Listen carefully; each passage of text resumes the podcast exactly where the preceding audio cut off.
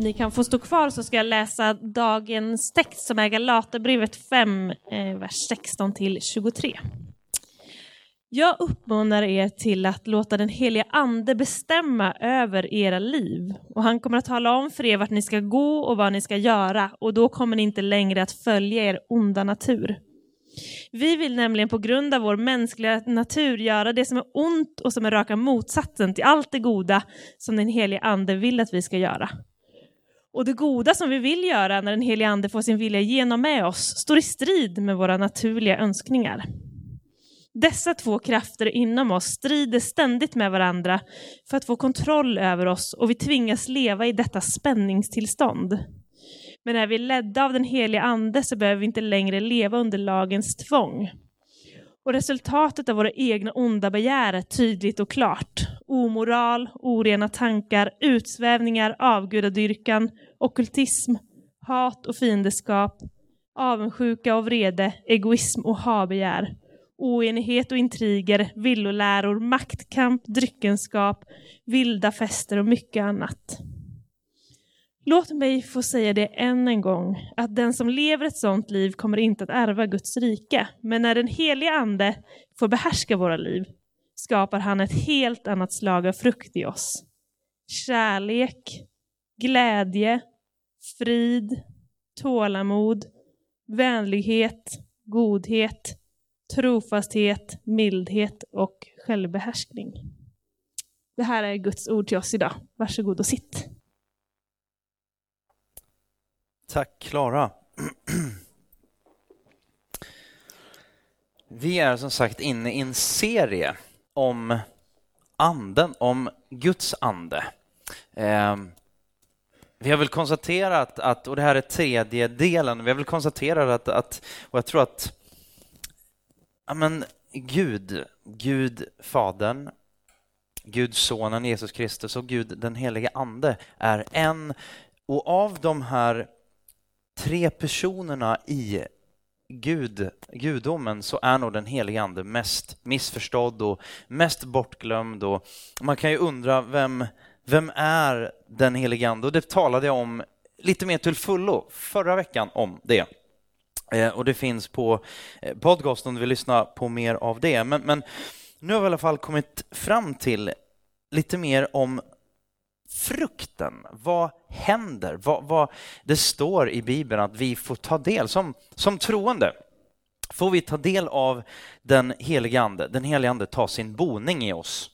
Eh, och det tänkte jag att jag skulle prata om idag utifrån Galaterbrevet, det här, den här, eh, det här ja, skriftstället som, som Paulus han skriver då och räknar upp en massa saker och på slutet här kärlek, glädje, frid, tålamod, vänlighet, godhet och trofasthet, mildhet och självbehärskning.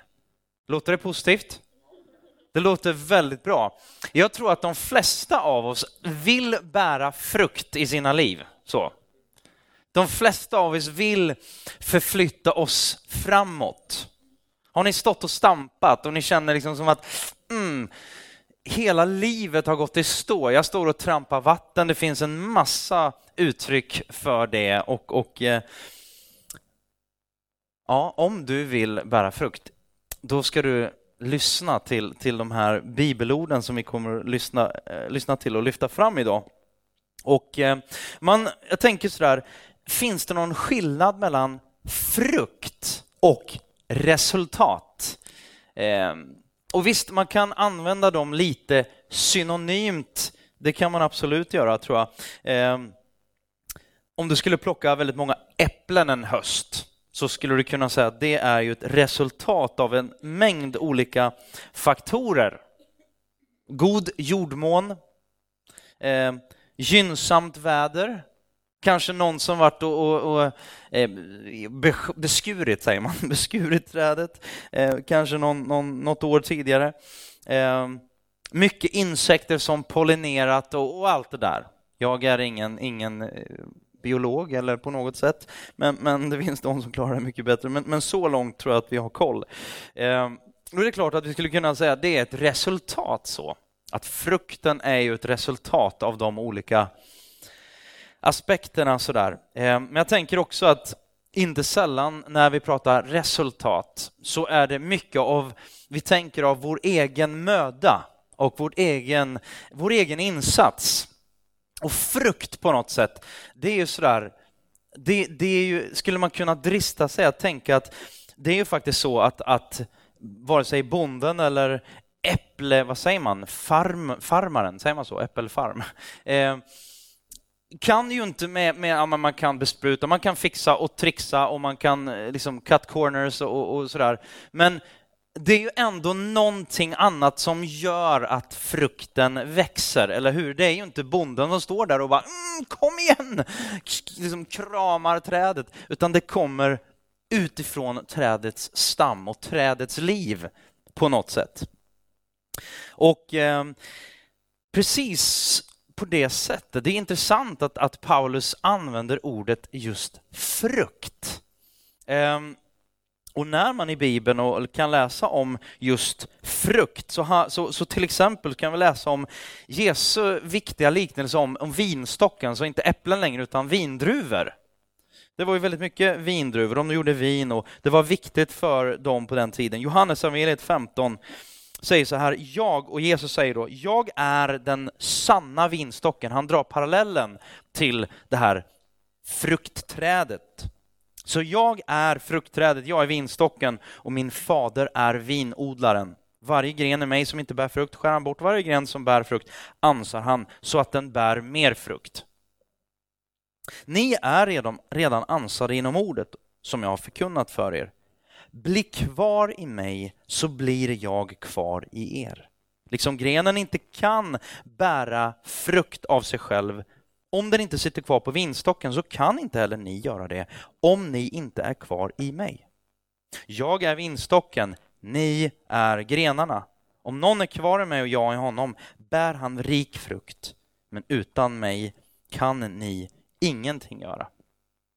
Frukt, ett äpple Eh, eller en vindruva då i det här fallet, i sig själv kommer inte särskilt långt. Jo, det finns ett frö av liv i den här vindruvan, om den inte är genmanipulerad och man har tagit bort fröna. Eh, märkligt. Men i alla fall så, eh, så finns det ju inget eget liv. Liksom. Den, frukten kan inte bara växa fram själv, utan den måste sitta fast på ett träd.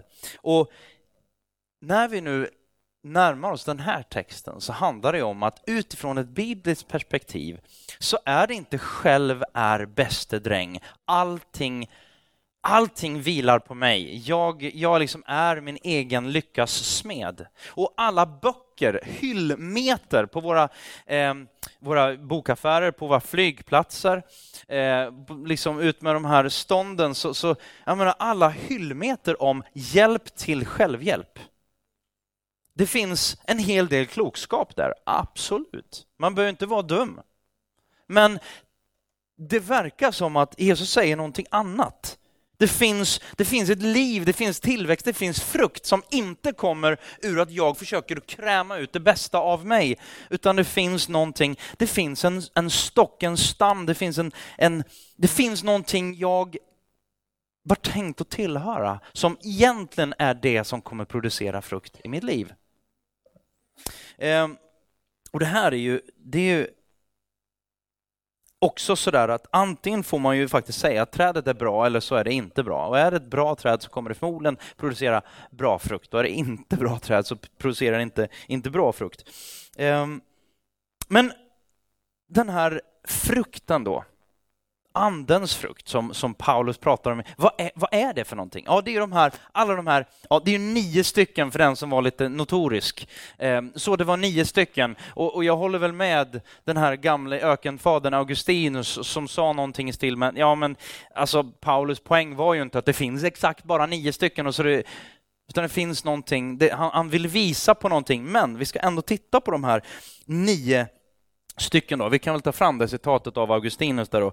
Eh, aposteln, alltså Paulus, då, hade ingen avsikt att lära oss hur många, vare sig hur många av köttets eller andens frukter. Jag blev lite irriterad där ett tag, för att det var ju många fler av köttets frukter än av andens frukter, det förstår jag inte riktigt. Men det finns i alla fall, tror jag, eh, en snarare en poäng. Han vill, han vill visa att ja, men de förstnämnda, köttets, liksom, kroppens, bara allting, det, det bara handlar om jag, mig och mitt, ja, men det är ingenting att eftersträva, utan det finns någonting annat. Och det här förutsätter ju, jag vet inte var, var, var du kommer ifrån, eh, idag.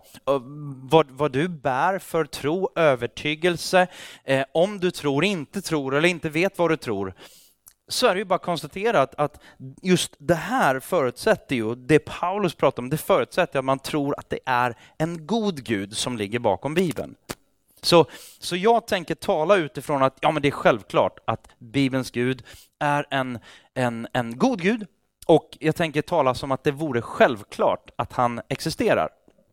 Så att om vi befinner oss på lite olika köl där så får det vara helt okej. Okay. Men, men utifrån det perspektivet så vill jag prata och någonstans så är det ett... Alltså han, han, Paulus han pratar om inte frukter. Eh, även om Bibel 2000 har översatt det som, som pluralis så är det faktiskt singularis. Alltså en frukt. Det, och poängen med det tror jag är så här, han vill nog komma bort bara ifrån den här, vi svenskar äter mest plockgodis i hela världen, visste ni det? Det är helt sjukt. Vi, vi, vi bara, vad för godis ska jag äta nu? Och så bara mm, plockar och bara, den där lämnar jag och den där slänger jag och den där vill jag ha. Och jag tror att på något sätt så är det så här, nej men du kan inte, du kan inte välja fem av de här och sen bara, nej men jag vill inte ha de där fyra. För de hänger ihop. Du, det är en frukt. Liksom, om du äter av den frukten, om du vill växa i Gud, ja men då är det faktiskt alla de här, samtliga de som Gud vill att du ska växa i och, och som är del av hans natur. För någonstans handlar det om att ja men de här nio attributen, det är ju faktiskt ja men Kristus, Jesus, han var ju sån. Och jag tänker att de flesta tycker nog det är ganska positivt. Jesus går ju ändå under liksom någon slags epitet av han var en hyvens kille, eller han var liksom en, en stor profet, eller han var eh, ja, Gud då som, som Bibeln undervisar. Men, men liksom de flesta skulle ändå drista sig att säga han var riktigt bra. Han sa mycket bra och gjorde mycket bra. Eh, så jag tittar på de här nio aspekterna av andens frukt. Man kan tänka sig att du öppnar en, en, mandarin eller någonting och den har nio klyftor. Det är en frukt, men det är nio olika klyftor. Så vi ska titta på de här klyftorna. Ehm, och det första ordet, det är ju kärlek. Så jag kommer gå igenom dem i ganska rask takt för att sen eh, ägna lite grann tid åt att titta på hur kan jag växa i det här då? Det är väl det vi vill åt. Liksom. Vi vill äta frukten. Ehm, det här ordet kärlek då, det grekiska ordet är, kanske någon har hört, agape. Det är ju ordet för gudomlig på ett sätt då, eller på väldigt många sätt. Men, men ovillkorlig kärlek. Oändlig kärlek, en kärlek som inte ber om någonting, som inte behöver någonting, som inte förväntar sig någonting tillbaka, utan ger, bara ger fullständigt och villkorslöst. Eh, oslagbar välvilja, det är liksom und, i underkant, men eh, det, det är agape. Eh, och här någonstans så, så, så, kan man skönja du, ja men det är ju någonstans, vem är personifierad eller kärlek personifierad? Jo men det är ju Jesus själv. Han ger, han hänger på korset och Bibeln säger att när han hänger där så säger han förlåt dem, för de vet inte vad de gör. Alltså han, han älskar världen, han älskar människorna så mycket så att han är beredd att och, och till och med dö för människan. Första Korinthierbrevet 13 säger kärleken, där, är det någon som var på vigsel? Kanske någon var på vigsel igår? Någon var på möhippa igår i alla fall, det vet jag. Så kanske att den här versen kommer komma upp på ett antal bröllop här framöver. Den här är fantastisk och man kan läsa om, om eh, ja, just Paulus otroliga eh, ja, men definition och tydliga definition av, av kärlek. Kärleken är tålmodig och god. Kärleken är inte stridslysten, är inte skrytsam, är inte uppblåst. Den är inte utmanande, inte självisk, den brusar inte upp, den vill inte något ont, den finner inte glädje i orätten men gläds med sanningen. Allt bär den, allt tror den, allt hoppas den och allt uthärdar den. Där har du agapekärlek som, som, bara, som inte söker sitt eget, utan vill, ja men i naturen, kärlekens natur är att ge. Och det första man kan säga så här, det är egentligen, alltså ordet, första ordet, egentligen hade vi penetrerat och verkligen gått ner i det här första ordet, kärlek, då hade vi knappt behövt nämna de andra, för det är en sammanfattning av de följande åtta. Så kommer man ihåg det första bara, så, så en del så här, nu ska jag memorera, och det är jättebra, fortsätt med det säkert. Men, men kom ihåg kärlek och inte bara kom ihåg ordet, utan låt det penetrera, låt det liksom få jobba mycket med oss. Inte så att det blir bara pink and fluffy, lite så här vaselin i, i utkanten av den här snygga bilden liksom på, på ja, en selfie eller någonting, utan låt det bli lite djupare än så, där kärlek verkligen leder. Eh, nästa ord är glädje. Det är väl positivt? Det är alldeles för lite glädje. Ehm, det fanns en, en, en doktor och, och teologidoktor eh, och, och, predikant som heter George Campbell Morgan. Han sa så här, kärlek, eller glädje, förlåt, glädje är kärlekens medvetande. Jag tyckte det var intressant. Kärleken, sann kärlek, agape-kärlek, villkorslös kärlek, det kan ju vara lite så här Eh, nästan lite medvetslös kanske. Det kan se så ut i alla fall. Men glädje, på något sätt har medvetandet kommit där. Psalm 37, ha din glädje i Herren. Han ger dig allt vad ditt hjärta begär. Johannes 15 och 11. Det här har jag sagt, det är Jesus som säger, det har jag sagt för att min glädje ska vara i er. Men inte bara det, utan er glädje ska vara fullkomlig. Ehm, och den här glädjen då, som, som Jesus pratar om och som Bibeln pratar om, det är ju tydligt. Alltså, det här har jag sagt för att min glädje ska vara, er, er glädje ska vara fullkomlig. Det är en glädje som kommer från Gud. Och den, jag skulle våga säga, den, den glädjen som, som Bibeln talar om, det är en glädje som går mycket djupare än det som vi, om vi dristar oss med lite lek med ord sådär, men då går den lite djupare än till exempel lycka. Lycka är främst en en eh, känsla, tror jag, om, om jag liksom drar mig åt det hållet. Eh, det är en känsla av eufori kanske, av, av ja, men en lycka och väldigt många söker den där känslan av av lycka. Och jag tror att sann glädje har definitivt en, en del av den, den känslomässiga biten eh, i sig. Men på något sätt så det verkar som att lycka kanske lite mer bottnar i våra omständigheter, medan glädje bottnar i någon annan som står bortom, står utom, står över alla omständigheter. Jag har varit med om ett tillfälle som, som kanske tydligare än någonting annat, det här kan låta helt crazy. Men det var på sjukhuset, min far var dödssjuk, han mådde jättedåligt och, och eh, eh det här var 2001, så det är ett antal år sedan. Eh, han hade fått en, ja, egentligen en dödsdom av läkarna. De sa att du har, han har 24 eller 48 timmar kvar att leva. Eh, jag åkte hem från England, satte mig vid, vid min pappas eh, säng då, tillsammans med min familj. Och det var otroligt tufft naturligtvis. Eh, sen gick dagarna och pappa överlevde både 24 och 48 timmar. Eh, jag ska inte dra hela storyn, men, det var ett tillfälle när jag sov över hos min pappa i hans eh, hotellrum, höll jag på att säga. Det var det verkligen inte. Det var ett sjukhusrum där. Och eh, jag låg i den här stålsängen som, som eh, ja, i alla fall. Och jag, jag hade legat där några nätter sådär och jag sov otroligt dåligt för jag låg och lyssnade på, ska han ta ett andetag till? Och det rosslade och rasslade, det var pumpar och det var slangar och det var allt möjligt. Så att då bara bestämde jag mig för, nu ska jag, jag behöver liksom, jag behöver sova, så jag satte på mig hörlurar och bara satte på musik tillräckligt högt för att jag inte skulle höra någonting annat sådär. Eh, och somnade och vaknar upp mitt i natten av att min far står upp eh, med, med liksom en sån här eh, Zimmerframe, jag vet inte vad de heter, men en sån här bock. Eh, och det var slangar och det var, det var, allting hängde efter honom sådär. Och jag vet inte hur det gick till, men och varför vet jag inte. Det var mitt i natten och jag ringde inte på sjuksköterskan utan jag löste det själv. Så jag fixade liksom alla såna här eh, droppvagnar och allting bara efter. Han skulle in på toaletten, karln. Han hade ju liksom, ja. Anyway, jag vaknar upp av att han går in i min säng i alla fall. Och det bara hoing, sådär, för den var av stål. Och jag vaknar upp och ser min far stå där och hans ögon var så röda och det var så eländigt. Och jag, man kände sig inte jättekaxig. Man bara, han, han kommer att dö nu. Det var liksom min, det var min känsla och det var så det såg ut. Jag får in honom på toaletten och så bara går jag ut och så gör jag, jag kan inte göra någonting. Jag kastar mig på golvet vid min säng på knä, armbågarna i sängen och så bara Gud!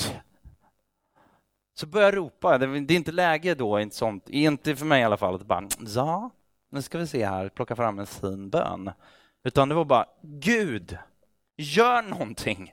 Låt min pappa få leva. Och så bad jag de här orden. Gud, gör läkarna förvånade. Och helt plötsligt så, in, så, så, så blir bara hela sinnesstämningen i mig förändrad. Helt plötsligt så bara sitter jag där och jag tänker så här, Daniel, du är, och du har just bevisat att du är en riktigt sjuk man. För helt plötsligt så fylldes jag med någon slags glädje och tacksamhet. Och just där och då så, så tänkte jag så här, Gud har hört min bön och vad som än händer så är Gud god och Gud har kontroll. Och nu bar det sig så väl så att min pappa lever fortfarande. Han fyllde, eller han fyller 74 eller något sånt här nu om några månader. Så jag är väldigt tacksam för det. Men i ett sånt ögonblick där allting i min värld höll på liksom att rasa samman utifrån pappa var alltid den här starka och ja men han är min pappa. Och så höll det på att gå åt pipan. Och där och då kunde jag ändå få glädje. Och det var inte betingat kring omständigheterna. Det var ju helt ologiskt. Helt plötsligt så finner glädje en helt annan dimension. Och jag tror att där finns det en glädje att hämta och det finns en styrka i livet att hämta som inte, om ditt jobb går bra, om ditt jobb inte går bra, om dina studier går bra, om det inte går bra, om din ekonomi går bra, om det inte går bra, om ditt äktenskap går bra, om ditt äktenskap, in, eh, äktenskap, äktenskap inte går bra, så finns det en styrka att hämta någon annanstans än i dina omständigheter. Ah, alltså, du kan ta alla hjälp till självhjälpböcker du vill. Men de har inte svaret på den typen av frågor. För du kan inte kontrollera hela världen. Du kan inte kontrollera ekonomin. Du kan inte kontrollera din, inte ens, du kanske försöker. Hemska tanke att du försöker kontrollera din partner. På det sättet som bara snurrar in er båda två. Och det blir depression och det blir elände och det blir inte liv och det blir inte glädje. Det blir inte Guds glädje som ska vara i oss och glädje som blir fullkomlig. Det är något helt annat. Det finns en Gud som, som är källan till så mycket mer. Ett annat ord som också besläktat, alla de här hör ihop så mycket, men nästa ord är frid. Frid, Johannes evangelium 14 och 27. Frid lämnar jag kvar till min frid ger jag er. Jag ger inte det som världen ger. Känn ingen oro, tappa inte modet. Några, två, två kapitel senare, vers 33 i 16. Detta har jag sagt er för att ni ska ha frid i mig. I världen får ni lida, men var inte oroliga, för jag har besegrat världen. finns en, ett lugn, det här ordet harmoni. Jag tror att det finns ett lugn och en harmoni där man kan Ja, men har, ni, har ni varit på, på i livet sådär, man märker så här, jag är, jag är så i otakt med allt som händer. Det är bara, ja, typ just nu, eller, eller så känner du, nej, jag det är bara, det bara, det bara, det bara, jag bara surfar på, jag bara rider på den här vågen, det går bra nu. Jag tror inte alltid att vi är där, men det, på något sätt här, här så det, nej men Gud han har ju stillats och Jesus han stillade ju stormen. Du kan gå i takt med Gud. Du kan gå i takt med den som skapade dig, gå i takt med det som han hade tänkt att du skulle både göra... Ni, ni, vet, när ni hamnar i en situation sådär, jag älskar ju vatten Och min mor var lite orolig för jag, jag, kunde ju typ simma och det var ju bara problem att jag simmade under vattnet. Aldrig över. Så hon undrar ju liksom hur ska han komma upp någon gång och hämta luft? Men jag älskar vatten och jag känner bara, där hör jag hemma. Nej, jag vet inte. Men, men jag lyckades väldigt bra i vattnet. Jag, jag tävlade och höll på, liksom, tyckte det var sjukt kul. Och när man hamnar i ett element som man trivs i, man, man funkar i, ja men då, det funkar ju bra. Gud vill ju att vi ska kunna gå i takt med honom, i takt med den helige Ande. Tålamod. Oh, det där du. Tålamod. I vårt äktenskap så är det inte jag som har störst tålamod. Och jag är väldigt glad för att, att min fru har enormt mycket större tålamod än jag. Det här är något som jag behöver växa i. Kanske behöver du också växa i tålamod. Kapaciteten att, att avvakta. Kapaciteten att bara ta ett extra andetag liksom sådär, när, när känslorna kommer och liksom... Har ni stort tålamod i trafiken, kära vänner? Måndag morgon klockan 07.45 där, Södra länken, eller varför inte Norra länken? En fantastisk företeelse. Totalt tvärstopp. Mm, tålamod. Kolosserbrevet, Paulus igen då, Kolosserbrevet 3, 12-13. Som Guds utvalda, heliga och älskade ska ni alltså klä er i innerlig medkänsla, vänlighet, ödmjukhet, mildhet och tålamod. Ha fördrag med varandra och var, var överseende om ni har något att förbra någon. Liksom Herren har förlåtit er ska ni också förlåta. Det här är väl tålamod? Att ha fördrag med folk. Det är ju märkligt det där. Ta trafiken som ett exempel. Så bara, alltså varför gjorde han sådär? Det skulle jag aldrig gjort. Ja just det, jag gjorde det två minuter sedan. Alltså, det, vi är så otroligt snabba att döma. Problemet är att man pekar finger. Det här fick man lära sig i dagis, men, men det är så svårt att liksom det är att när man gör så här så är det tre fingrar som pekar tillbaka till mig själv. Det kallas för dom, kallas det för. När jag dömer andra så dömer jag mig själv. Vänlighet. Vi satt, eh, jag och Linda satt på ett café i London för ett antal år sedan och pratade med en, en eh, ja, han var bra mycket äldre än oss, en, en, en riktig, ja men en gudsman. Och satt vi och pratade om företeelsen att jobba i församling och kyrka och bygga kyrka och liksom tro, tro på det. Och så sa han bara så här, varför är det så ofta som det fattas, då använda uttrycket, varför saknas det så ofta? Good old fashion kindness? Kommer du ihåg det? Och så tänkte jag så här, ja, var finns det i vårt samhälle idag? good old fashion kindness. Vänlighet. Det är ju inte att förväxla med bara dum snällhet. Utan sann vänlighet handlar om rätt motiv. Vi går på nästa ord som är också väldigt starkt besläktat med det är godhet. Inte heller förväxlas med snällhet. Gud är god. Och därför ska vi och kan vi vara goda mot varandra. Jag tror godhet, sann godhet, det handlar om att, att faktiskt ibland, ja men på något sätt, tough love berättar ju sanningen. Fast på ett, från ett rätt motiv och på ett förhoppningsvis väldigt bra sätt. Kan vara väldigt tydlig och rak, men också väldigt tydligt omfamnande. Det står om Jesus att han var full av full av sanning, men också full av nåd. Det var inte 50 procent av sanning, 50 procent av nåd. Det var 100 procent sanning och 100 procent nåd.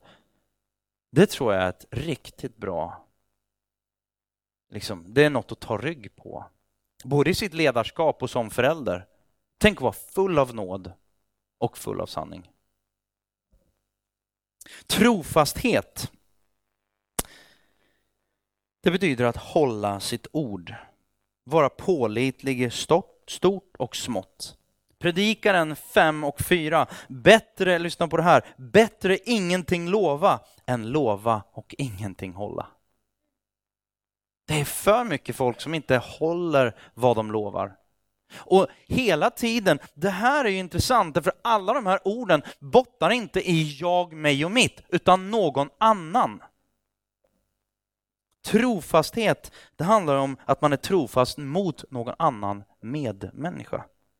Psalm 25 och 10. Allt vad Herren gör är nåd och trofasthet mot dem som håller hans förbund och hans bud. Trofasthet. Folk är rädda för allt möjligt. Folk är rädda för att, ja men, vi, vi binder upp oss och vi blir ju inte bättre av att, att både företag och det här samhället vill binda upp oss i en massa saker som, som, som sen ja, men bara gör det surt för oss. Och så sitter vi fast där. Och, men det finns en annan bit där, där nej, men jag vill inte binda mig. Jag är redo, det är liksom märkligt, jag är redo, jag är redo att flytta ihop, jag är redo att och, och liksom sätta barn till livet, men jag är inte redo att, att committa mig att vara trofast mot en person. Det tycker jag, från mitt perspektiv som förälder, är väldigt konstigt. Jag menar, vi snackar commitment med barn. Då har man, har man riktigt tänkt igenom då. Sen kan man hamna i, i, i situationer som man inte har tänkt. Jag har ju tänkt att vi ska vara gifta för resten av vårt liv. Men jag kan inte råda över precis allting som händer och sker. Men perspektivet och motivet till trofasthet tror jag ibland vi tar väldigt, väldigt lätt på.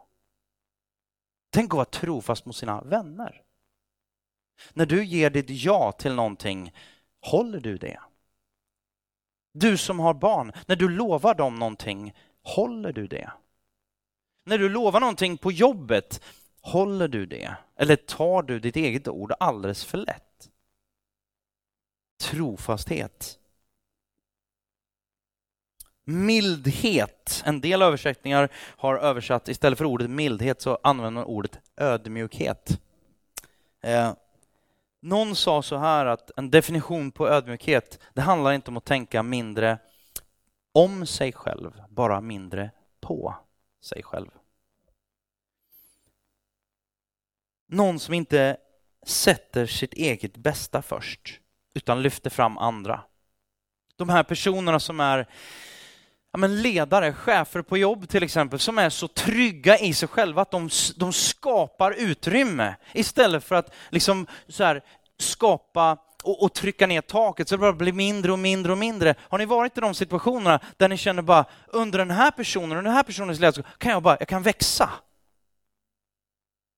Jag tror att det krävs en del mildhet och lite ödmjukhet. Man har lite distans till, sig själv och förstår att det är viktigt att lyssna in och känna in och lyssna på tankar och åsikter. Det betyder inte att du behöver walk all over yourself, alltså bara gå över dig själv och köra slut på dig själv. Och, eh, men kanske inte tänka riktigt så mycket på dig själv. Återigen, motiven. Första Petrus brev, för er alla gäller att klä er i ödmjukhet mot varandra. Ty Gud står emot de högmodiga, men de ödmjuka visar han nåd. Matteus 11.29. Ta på er mitt ok och lär mig som har ett milt och ödmjukt hjärta, så ska ni finna vila för er själ. Jesus han säger kom till mig, men han stannar inte där. Han säger inte bara kom till mig, utan han säger följ mig. Jag ska komma till det som avslutning. Självbehärskning. Det här tycker jag är så bra. Ordspråksboken 25 och 28. Som en stad med nedrivna murar är en man utan självbehärskning. Som en stad utan murar. På den tiden var det lätt att inta en sån, sån stad. Ordspråksboken 18 och 21. Tungan har makt över liv och död. De som kan tygla den får njuta av dess frukt. Jag måste läsa Jakobs brev också, vi tar den, det är bara några, det, det är tre versar. Tungan kan ingen människa betvinga eller styra över. Oregelig och ond som den är och full av dödligt gift. Med den tackar vi och lovar vår Herre och Fader, med den förbannar vi människorna som är skapade till Guds avbilder.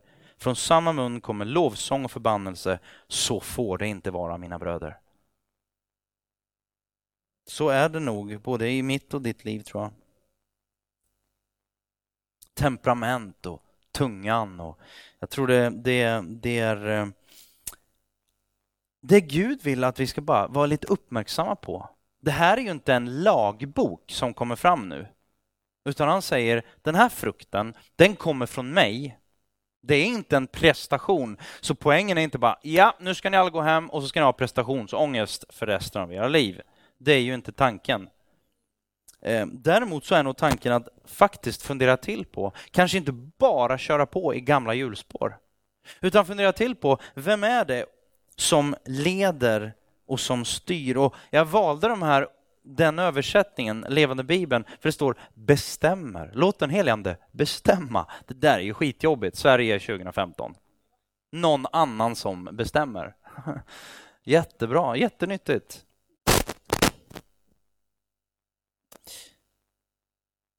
Återigen, jag vill bara sammanfatta.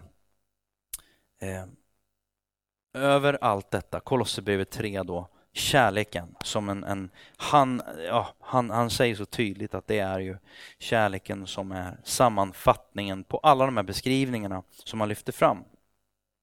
Eh, som Guds utvalda, heliga och älskade ska ni alltså klä er i innerlig medkänsla, vänlighet, ödmjukhet, mildhet och tålamod. Ha fördrag med varandra och var överseende om ni har något att föredra, förebrå någon, liksom Herren har förlåtit er, ska ni också förlåta. Men över allt detta ska ni ha kärleken, det band som ger fullkomlighet. Tillväxt då av Andens frukt i mitt liv. Filipperbrevet 2 säger så här. Därför, mina älskade, liksom ni alltid har varit lydiga, så arbeta med fruktan och bävan på er frälsning, inte bara som när jag var hos er, utan ännu mer när jag är, inte är hos er. Ty Gud är den som verkar i er, både vilja och gärning, för att hans goda vilja ska ske. Varför läser jag det här? Jo, för jag vill bara peka på två saker. Eh, lite kort det här med ja, hans, hans frälsning, alltså räddningen. Vi, vi läser om, om liksom evigt liv och, och, och vi har pratat om det hela, hela våren och, och tidigare i hösten. Men, men inför Gud så har vi inget att komma med själva. Faktum är att inför evigheten så har vi inget att komma med. Min farfar, han sa något väldigt skönt. Norrlänning som han var, så sa han så här, här går att leva lite hur som helst, men det håller inte att dö på. Och där någonstans så evangeliet säger bara, ja men det handlar inte om ditt liv. Det handlar inte om hur mycket du är bra och duktig du är och allt sånt där. Det kommer vi till, men det första är Jesus Kristus dog för att du skulle få liv. I dina synder, i ditt elände, i mänsklighetens liksom, del av det, så fanns det inte liv. Men han kom med liv. Ehm, och här då så säger ju Paulus, han säger så att vi ska jobba på den här ja, men relationen med Gud. Med bävan och fruktan, liksom bara, vi jobbar. Och sen nästa sekund står det så här, ty Gud är den som verkar i er. Och jag vill bara visa det här, därför att det är så viktigt. Ja, men, liksom, en del kan få det att låta som ja, men det, allting bara sker, liksom. det bara sker automatiskt och Gud gör det åt mig. Ja, enligt den här versen och de här två verserna så är det ett samarbete. Det är ett samarbete. Den kristna tron är ett samarbete med, mellan dig och Gud. Efesierbrevet 5 och 1 säger så här, bli Guds efterföljare, ni som är hans älskade barn. Det går alltså att vara ett älskat barn utan att vara en efterföljare. Så tanken är att vi ska följa honom. Och det här med, det här med andens frukt som avslutning. Hur? Hur ska vi tillförstå? Hur ska vi växa? Hur ska vi växa i kärlek, glädje, vänlig? Hur ska vi växa i alla de här, på de här olika i de här olika aspekterna. Ehm, ett bibelord här. Där Paulus säger i första Korinthierbrevet 9. I ett tävlingslopp springer alla, men bara en vinner. Löp därför ditt lopp med sikte på att vinna. Du kanske måste säga nej till mycket som kan hindra dig från att göra ditt bästa. En idrottsman tränar hårt bara för att vinna ett sidenband eller en silverpokal. Men vi kämpar för en himmelsk lön som aldrig förlorar sitt värde. Därför springer jag hela loppet med målet för ögonen. Jag kämpar för att vinna. Jag är inte en boxare som slår i, i, luften. Jag leker inte. Jag kämpar med mig själv, tränar hårt och tvingar min kropp att göra vad jag vill istället för att göra vad den själv vill. Annars är jag rädd för att jag, som utmanat andra att delta i tävlingen, själv kommer till korta i det avgörande provet. Han pratar om att träna. Och jag tror att du och jag kan träna oss i kärlek och alla de här dygderna, om vi får kalla dem för det. Så läs Galaterbrevet. Läs Galaterbrevet 5 och så läser du de här om de här dygderna och så funderar du till på, vill du växa i kärlek? Vill du växa i glädje, i frid, i tålamod, vänlighet, godhet, trohet, mildhet och självbehärskning? Och det är ungefär som att vi säger då tålamod. Det räcker inte med att bara be Gud, ge mig tålamod och snabbt. Det är lite så här, det går emot sig själv på något sätt. Utan någonstans så tror jag det andliga livet är lite som för Karate Kid som körde wax on, wax off. Wax on, wax off. Han fattar ju inte hela tiden varför han skulle göra det han gjorde. Men senare förstod han. Och en del av de här sakerna som det står så Paulus säger, ja men du, du får ju säga upp de här sakerna. Du kanske får avstå en del saker för att kunna träna, för att kunna vinna. Och jag tänker på alla de här elitidrottarna. Har ni sett Mästarnas mästare? När de tittar tillbaka på sina karriärer och sådär. Gunde Svan som, jag menar galenskap, han, han sa ju upp vad som helst, men ingen, ingen tycker det är, ja kanske lite konstigt, men men han var ju bäst i världen i typ tio år. Träning. Att träna sig och även träna insidan i gemenskap och i samarbete med Gud. Där kan vi växa i Andens frukt. Ehm, och nästa vecka kommer Linus och predikar om, om Andens gåvor. De hör ju naturligtvis ihop på ett sätt, ehm, men här handlar det om att dra sig nära Gud så kommer det andra lösa sig. Det, det flödar utifrån rätt håll.